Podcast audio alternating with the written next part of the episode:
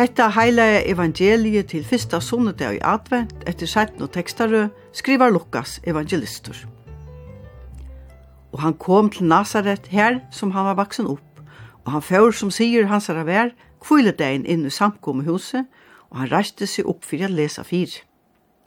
Og bøk Jesaja profets var hun finnkjen, og ta han åpna i bøkjena, fann han nyr at hans degin her som skriva stå. Anti herrans er i mer, av tog at han hever salva meg til at bera fatakon gleibo. Sent hever han meg ut til at boa fengkom fralse og blindon sjøen, til at sleppa nei støtton leison, til at kun gjera eit herrans nøye år. Og han leie bøtjena saman og fekk tænar hon hanna, og settes nyur, og kvørsmans eio, og i samkom husen hukte og på.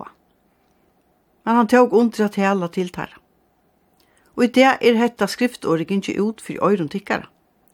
Og ødlån lest vel av han, og de undra oss at de løsjale år som kom av munnen i hansara, og de søtto, er han ikke sånn av Josefs? Og han sier vidt deg, «Au iva munnen tid færa, og sier vi mi hetta åra tætje. Lakne lek sjolvan te. Gjer eisne her i heimbygd så stør versk, så vidt det var fratt av vi det hendt i Kapernaum. Og enn meira sier han, Sanneliga sige tikkun, ongen profetor er velkjentur i sin egna fosterlande. Men jeg sige tikkun av sonnen, menkar våre ongenar og i Israel av døvun Elia, ta i himmelen var leten atter i tru år og seks månader, ta affærna, ta i ta vær større hunkur i øtlom landen, og til ånga tarra var Elia sentur, men best til Sarepto, vi siton til en ongen og mennesker var hinner spedalsko i Israel, men Elisa profetet var oppi av døvun.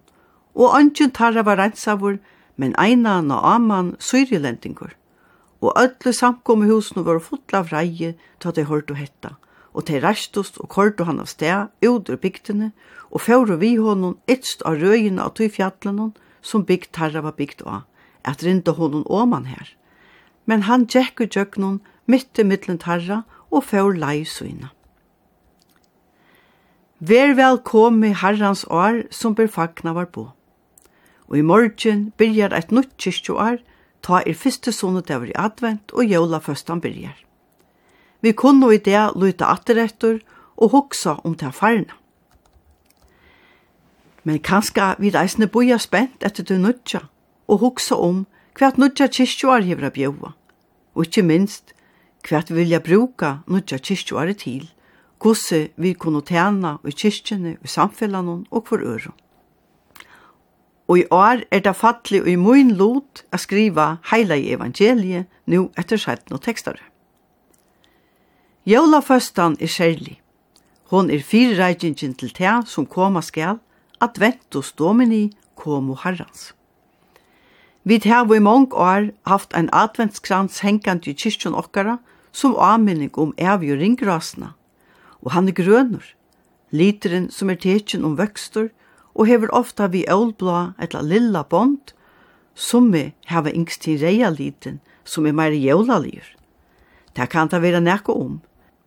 Men reie literen av bonden hon stava fra 1946, ta daner sera fekner om å vera sloppner undan tuska hervalden hon, valgte at halda jævl vi å tekka danska flaggliten i atvenskransen. Vi ålblai litren er tekin om føstu og er tog kanska meira høskant.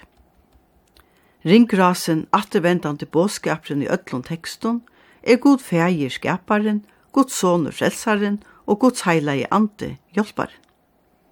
Eisne i morgen som vi nu skulle hitje eit. Atler tekster roma fleiri evne eller tema som vi kunne teka opp og hitje eit. Og imest er kvart eia og hoer fester seg vi.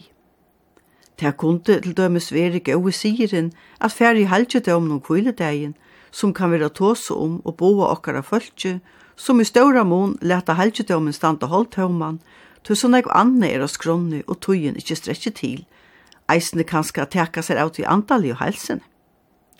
Anna er at Jesus, som vi røpter timpermæren ur Nazaret, eisne då til å lesa, ta Jesaja bøk var under finnjen, som vi ikkje har oss nek dømi om annars, tog han jo ikkje skriva i nekka, som vi vita.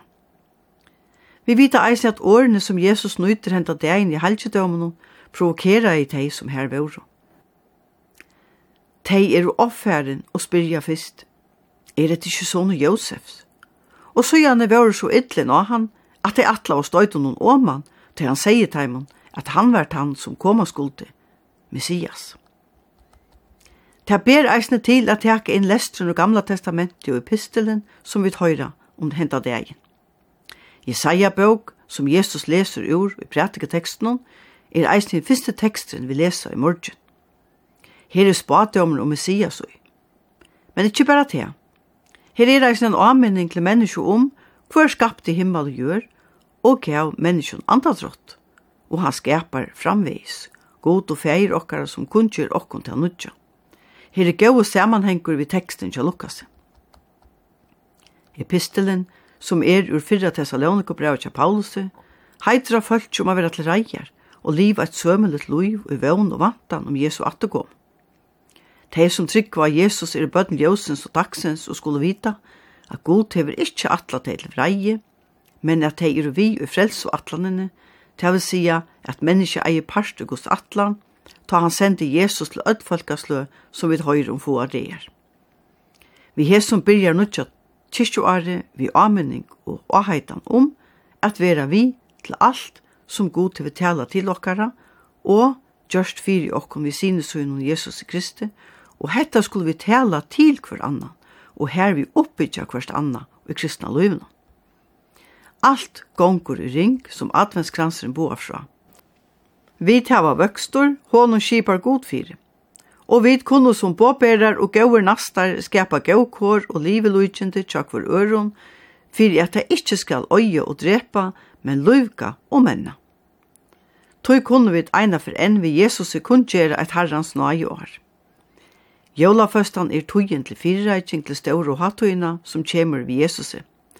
Ikkje til strongt og åat, men bøn og lestur og godt samanhalt okkara mittlun, som en fyrirreiking til at teka imot i herran enn eina fyr. Njóti tøyina, vi hona og gauare samveru. Gott, kyrkjulit nudjar, gaua jævla føstu og gauan sunnetia. Vi skulle i det enda vi at høyra, Vær velkomme herrans år.